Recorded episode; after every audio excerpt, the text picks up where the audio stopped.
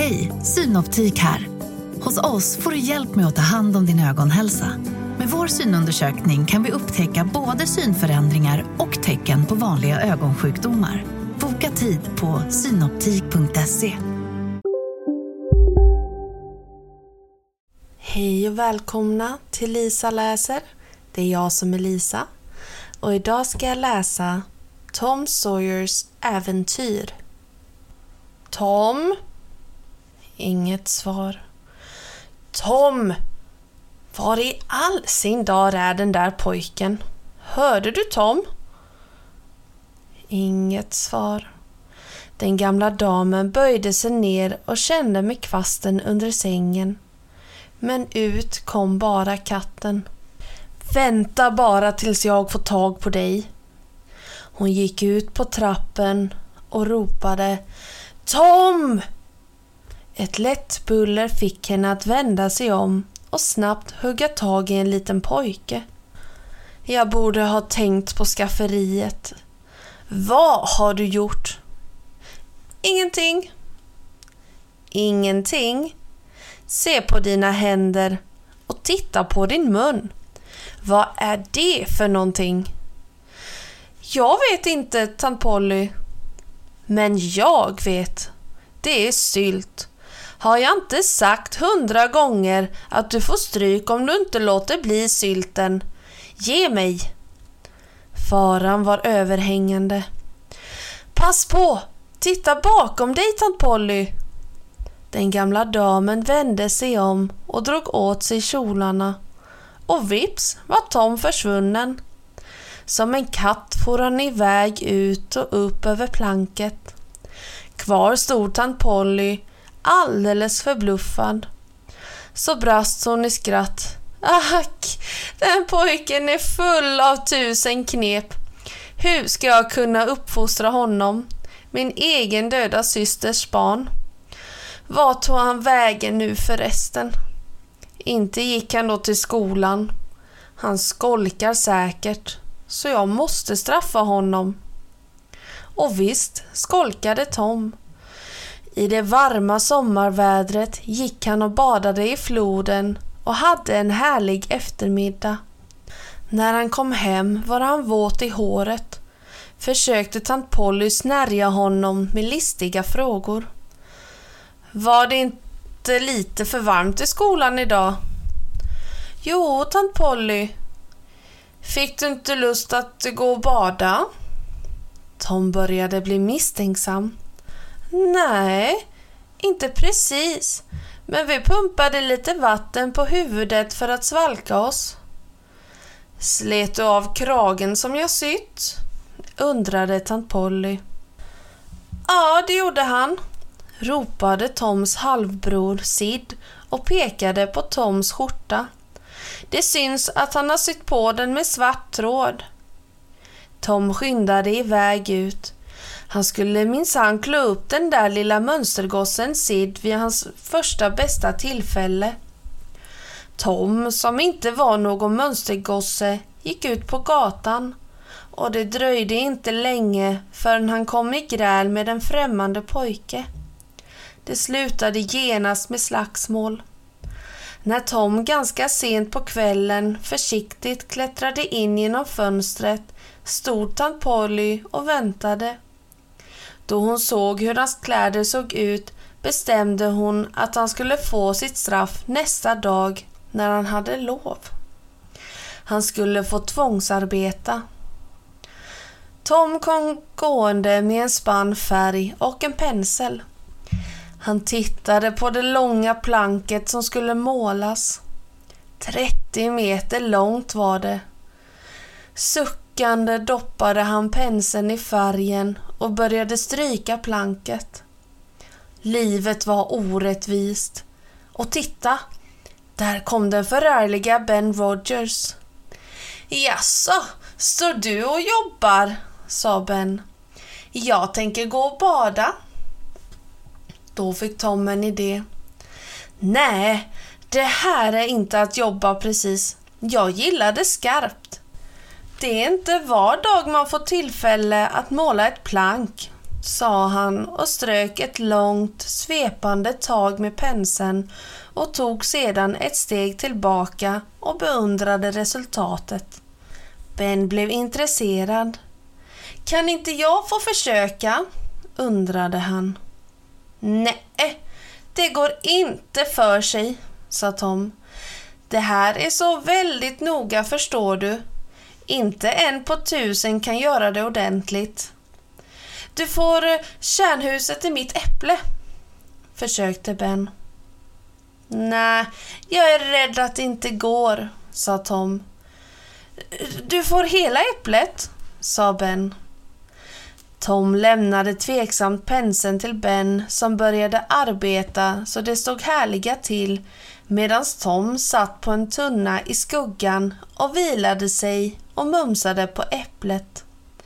När Ben tröttnat kom Billy Fisher och gav Tom en drake om han bara fick måla. Sedan kom Johnny Miller med en död råtta och ett snöre att svänga den i. Och så fortsatte det hela dagen. När planket var färdigmålat hade Tom en hel förmögenhet. Tolv marmorkulor, en kattunge, ett hundhalsband, ett munspel, ett knivskaft och ett par grodungar. Han hade haft det skönt och planket hade fått tre strykningar. Tant Polly kunde knappt tro sina ögon.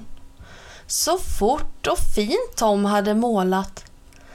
Det måste erkännas att du kan arbeta om du bara vill Tom, sa tant Polly. Det är bara det att du så sällan vill. Tom gick ner till stan för att träffa sina vänner. Det skulle bli en stor strid. Tom var nämligen general för en pojkarmé och hans bästa vän, Joe Harper, var general för en annan armé. Men generalerna nedlät sig inte att delta personligen i striden utan de satt högt uppe och ledde slaget. Efter en lång och svår kamp vann Toms armé en lysande seger. Man utväxlade fångar och räknade stupade och bestämde dag för nästa strid. Sedan ställde arméerna upp på en linje och marscherade bort och Tom gick ensam hem. När han gick förbi huset där Jeff Thatcher bodde såg han en liten flicka som han aldrig lagt märke till förut. Hon hade blå ögon och långt ljust hår. I sin ljusa sommarklänning och sina broderade byxor var hon det sötaste han sett och han blev blixtförälskad i henne. Hela kvällen blev han stående vid staketet och hoppades att hon skulle lägga märke till honom. Men lilla Becky Thatcher gick in och stängde dörren och visade sig inte mer den dagen. Söndagen var en plåga för Tom. Inte nog med att han måste tvätta sig särskilt noga och ta på sig rena, snygga kläder. Han måste vattenkamma håret också så att det sved i hårbotten. Dessutom var han tvungen att lära sig en rad bibelspråk utan till. Lönen för två bibelspråk var en blå lapp med ett bibelspråk på. Tio blå lappar motsvarades av en röd och tio röda av en gul och tio gula lappar kunde bytas ut mot en enkel inbunden bibel. Innan söndagsskolan började passade Tom på att kvickt byta till sig en massa gula, blå och röda lappar för sina kulor, metkrokar och annat som han hade i fickan efter plankstrykningen häromdagen. Tom kunde inga bibelspråk, men han kunde byta till sig lappar av kamraterna. Och nu hade han på en kort stund fått ihop till en bibel. Söndagsskoleläraren höll en lång predikan och slutade med att fråga om det fanns någon som varit så duktig att han samlat ihop tillräckligt många lappar. Flera eleverna hade några gula lappar, men ingen hade tillräckligt många.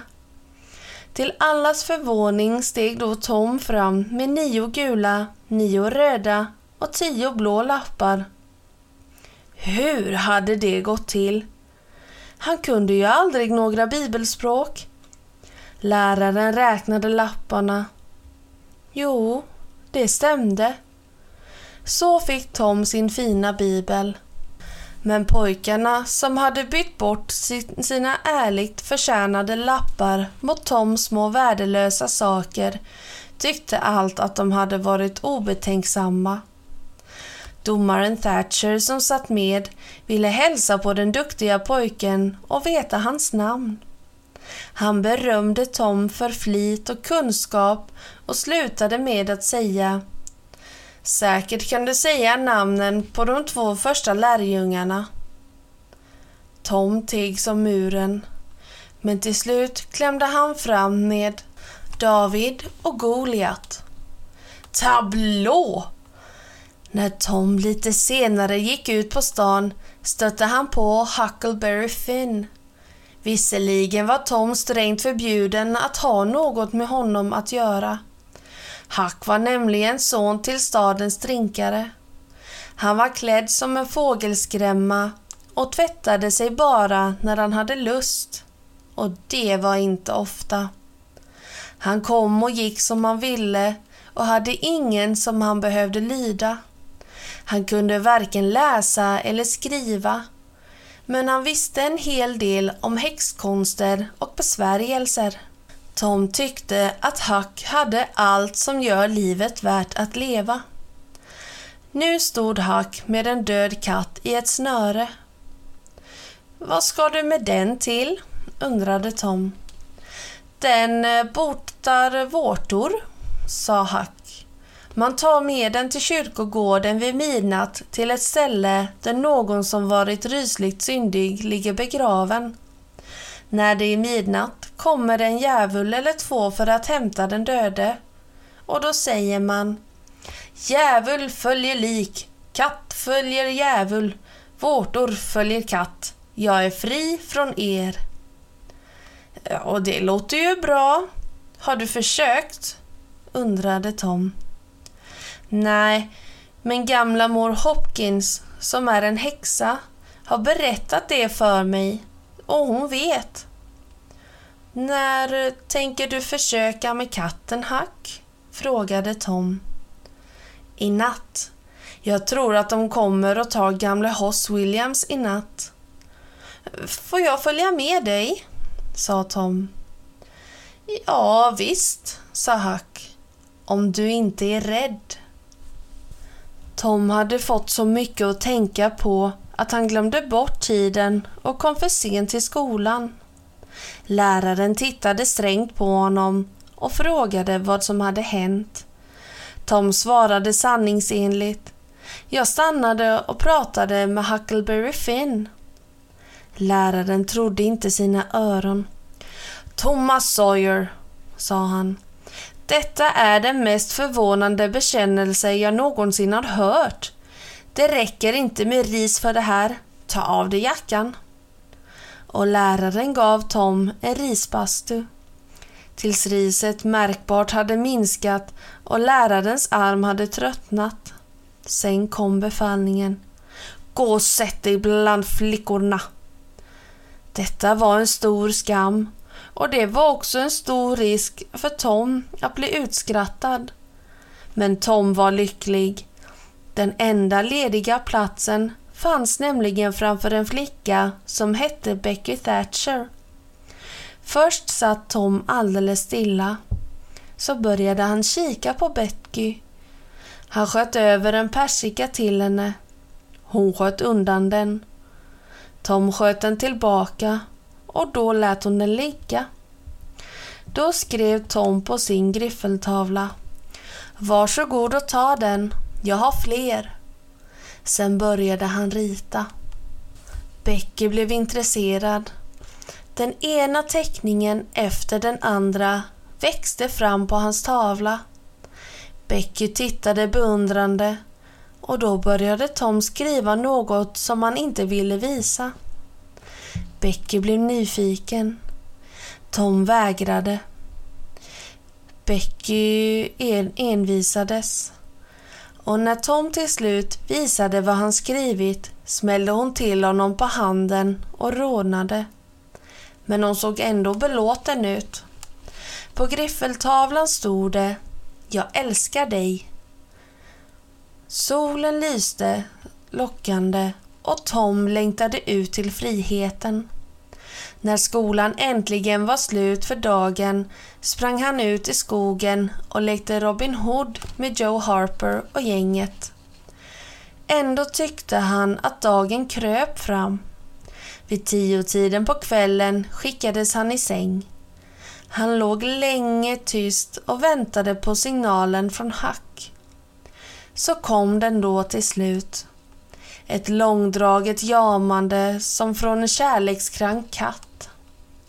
Tom skyndade sig upp ur sängen och smög sig ut genom fönstret och ner till Huckleberry Finn som stod och väntade på honom med den döda katten i snöret. Tysta tassade de iväg till kyrkogården för att bli av med sina vårtor. Den gamla kyrkogården låg på en höjd en bra bit utanför staden. Alla de gamla gravarna var insjunkna. En svag vind suckade i träden och Tom trodde att det var de dödas andar. En uggla hoade och pojkarna kände sig kusliga till mods. Då märkte de att de var inte ensamma. Snabbt gömde de sig bakom ett träd och såg tre män som höll på att plundra en grav alldeles intill dem. De kände genast igen doktorn och gamle Muff Potter och Indian Joe. Pojkarna höll andan. De tre männen grävde med sina spadar och mumlade något till varandra. Plötsligt hörde pojkarna att de var oense om någonting. Indian Joe hotade doktorn med sin knutna näve. Doktorn gav honom ett slag så att han föll till marken. Potter tappade sin kniv och slängde sig mot doktorn som lyckades slå sig lös och få tag i en bräda. Med den slog han Potter i huvudet så att Potter svimmade. I samma ögonblick tog Indian Joe Potters kniv och högg den i ryggen på doktorn som föll ner död. När Potter kom till sans blev han förfärad. Indian Joe tittade på honom och frågade Varför dödade du doktorn Potter? Har jag gjort det? frågade Potter alldeles utom sig. Ja, sa Indian Joe, men jag lovar att inte förråda dig. Den stackars Potter föll på knä och sa gråtande Åh, Joe, du är en ängel. Jag ska välsigna dig så länge jag lever. Sedan gick de bort, var och en på sitt håll och det blev åter tyst på kyrkogården. Tom och Huck smög sig därifrån och rusade sedan hals över huvud tillbaka till staden. När de kom fram till det gamla garveriet orkade de inte mer de störtade in genom den öppna porten och sjönk ner bland de skyddande skuggorna där inne. När de andats ut sa Tom om Indian Joe får reda på att vi vet att det är han och inte Muff Potter som har dödat doktorn så kommer han slå ihjäl oss. Det är ju bara du och jag som kan rädda gamle Potter från galgen, sa Hack Och gör vi det så slår Joe ihjäl oss. Vi måste svära en ed på att vi inte säger ett ord till en enda levande människa, sa Tom. Och den ska vara skriftlig och i blod. De fick tag på en hyvlad brädlapp som låg i månskenet och Tom tog fram en rödkrita och så skrev de Huck Finn och Tom Sawyer svär att de ska vara tysta med detta och att de önskar att de måtte falla döda ner på fläcken om de någonsin skvallrar om det. Sedan klämde de ut en droppe blod ur sina tummar och kletade dit ett H och ett T. De grävde ner sitt dokument och sedan skildes de åt. Nästa dag flög nyheten om den hemska händelsen med telegrafisk hastighet från hus till hus. Barnen blev fria från skolan. Man hade hittat en blodig kniv som tillhörde Potter. Allt pekade på att Muff Potter hade mördat doktorn. Redan samma eftermiddag hade sheriffen häktat honom. Tom och Huck trodde inte sina öron när de hörde hur Indian Joe lugnt och lugnaktigt berättade för sheriffen hur det gått till när Potter högg ner doktorn. Men Tom och Huck vågade inte tala om sanningen och dessutom hade de ju svurit att tiga. Och snipp, snapp, snut så var första delen av Tom Sawyers äventyr slut.